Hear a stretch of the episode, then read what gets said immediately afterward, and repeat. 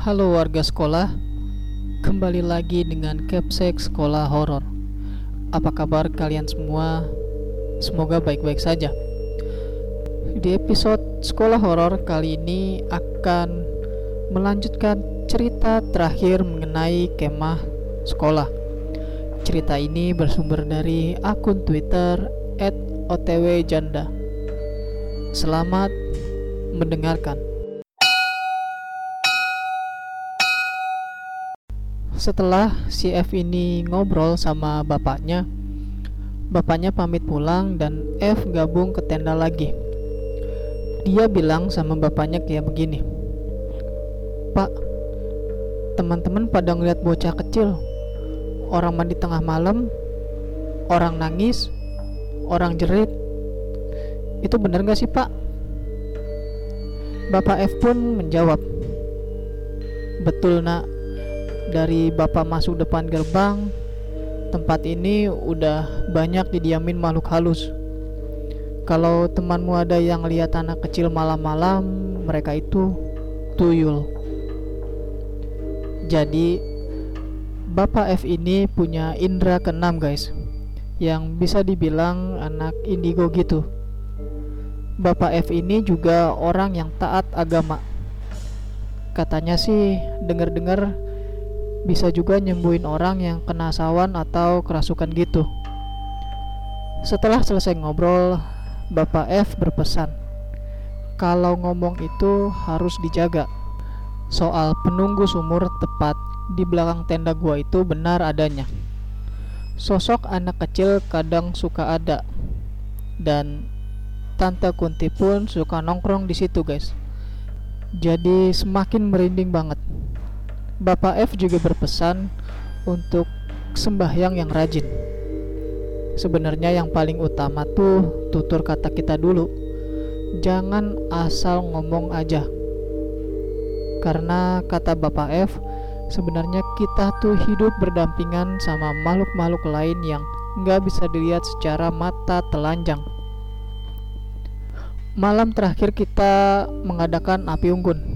Ya, malam itu adalah malam yang paling-paling gue tunggu karena besoknya kita bisa pulang.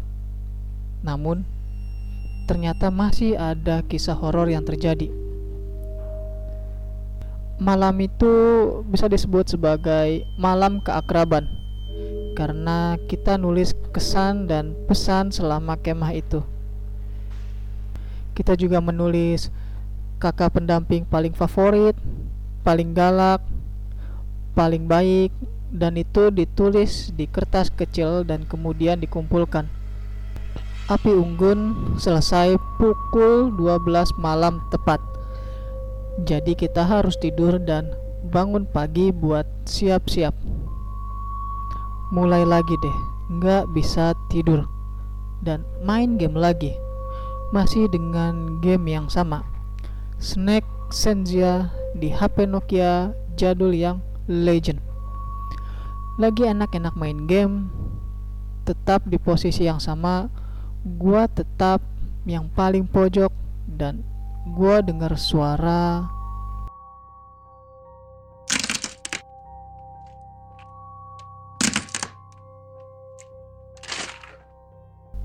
Suaranya kayak orang yang nginjek rumput tapi nggak ada bayangan orang sama sekali gue berusaha cuek aja namun enggak berselang beberapa menit kemudian gue denger suara cewek nangis.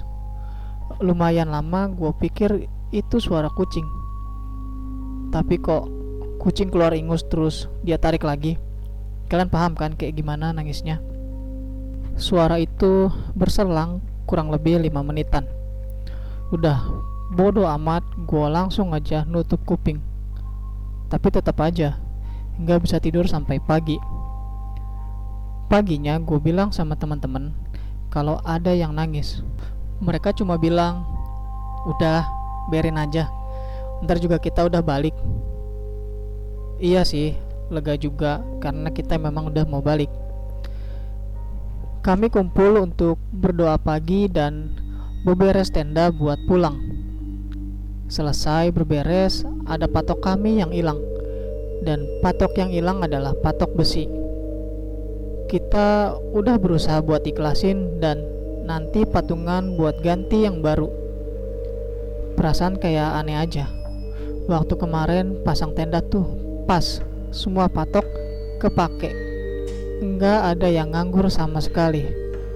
Dan pokoknya itu patok berharga banget.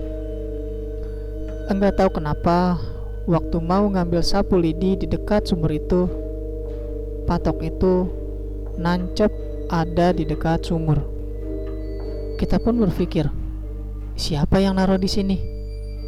Lagian, ngapain nancepin juga jauh dari posisi tenda? Satu kelompok gue udah bodoh amat. Intinya hari ini pulang. Di perjalanan badan-badan kayak pegel semua. Gue pikir capek biasa. Hingga sampai sekolah dijemput orang tua dan kemudian pulangnya makan bakso. Bapak kemudian bilang kenapa pucet? Ini kan bakso andalan yang kesukaan kamu. Kata bapak aku cuma diem aja dan makan bakso pun gak habis. Sampai rumah gue ganti baju dan gak mandi dan tas pun ditaruh gitu aja di dapur pokoknya udah capek banget ini kesalahan gua kebiasaan dari keluarga gua kalau abis pergi atau dari perjalanan jauh ke mana pun pokoknya dibiasain buat cuci kaki, tangan, muka, atau bahkan lebih baik langsung mandi. Makin bagus kalau pakai air hangat tambah garam dan daun salam. Pokoknya itu buat ngenakin badan aja. Kemudian gue tidur sampai maghrib dan gak bangun-bangun. Alhasil, badan gue panas. Kemudian dibangunin sama emak dan dibikinin sup anget sama tempe dan sambal tomat. Tapi sayang, kata emak gue, gue gak mau makan dan badan gue semakin panas. Dan emak pun ngelapin badan gue biar lebih nyaman. Nggak tahu kenapa tiba-tiba nenek tuh datang. Dia membawakan sayur gue lupa sayur apa. Tapi emang udah biasa tiap sore itu nenek datang dan membawa makanan sayuran atau cemilan. Dan nenek pun bilang kayak gini kok rumah ini panas banget sih dia masuk ke rumah gua sambil ngeliat tembok sebelah gua. Nggak tahu pokoknya ngelihatnya lama banget sampai-sampai atapnya pun dia lihat nenek gue bilang gue diikutin mbah-mbah. Katanya waktu gue pulang dari tempat kemah itu gue nggak ngucapin permisi dulu. Dan kemudian langsunglah gue dibacain doa sama nenek dan tiba-tiba aja badan pun menjadi semakin enakan Makanan yang tadinya pahit, ini malah enak, bahkan sampai nambah dua piring. Akhirnya, keadaan sudah kembali normal seperti semula. Paginya gue libur satu hari dan hari berikutnya masuk seperti biasa. Pelajaran yang dapat gue ambil dari kejadian ini adalah di mana pun, kapan pun, dan kepada siapa pun, kita harus menjunjung tinggi tata krama, tutur kata, dan tingkah laku. Karena kita berdampingan dengan makhluk yang berbeda dengan kita, namun juga ingin dihormati keberadaannya. Sekian dan terima kasih.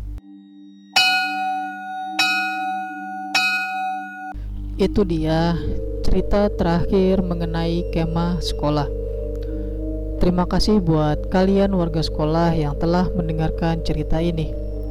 Dan terima kasih juga kepada akun Twitter @otwjanda yang telah memberikan kami izin untuk membacakan cerita ini. Jangan lupa untuk like dan share video ini agar warga sekolah horor semakin bertambah. Dan sampai jumpa di episode berikutnya.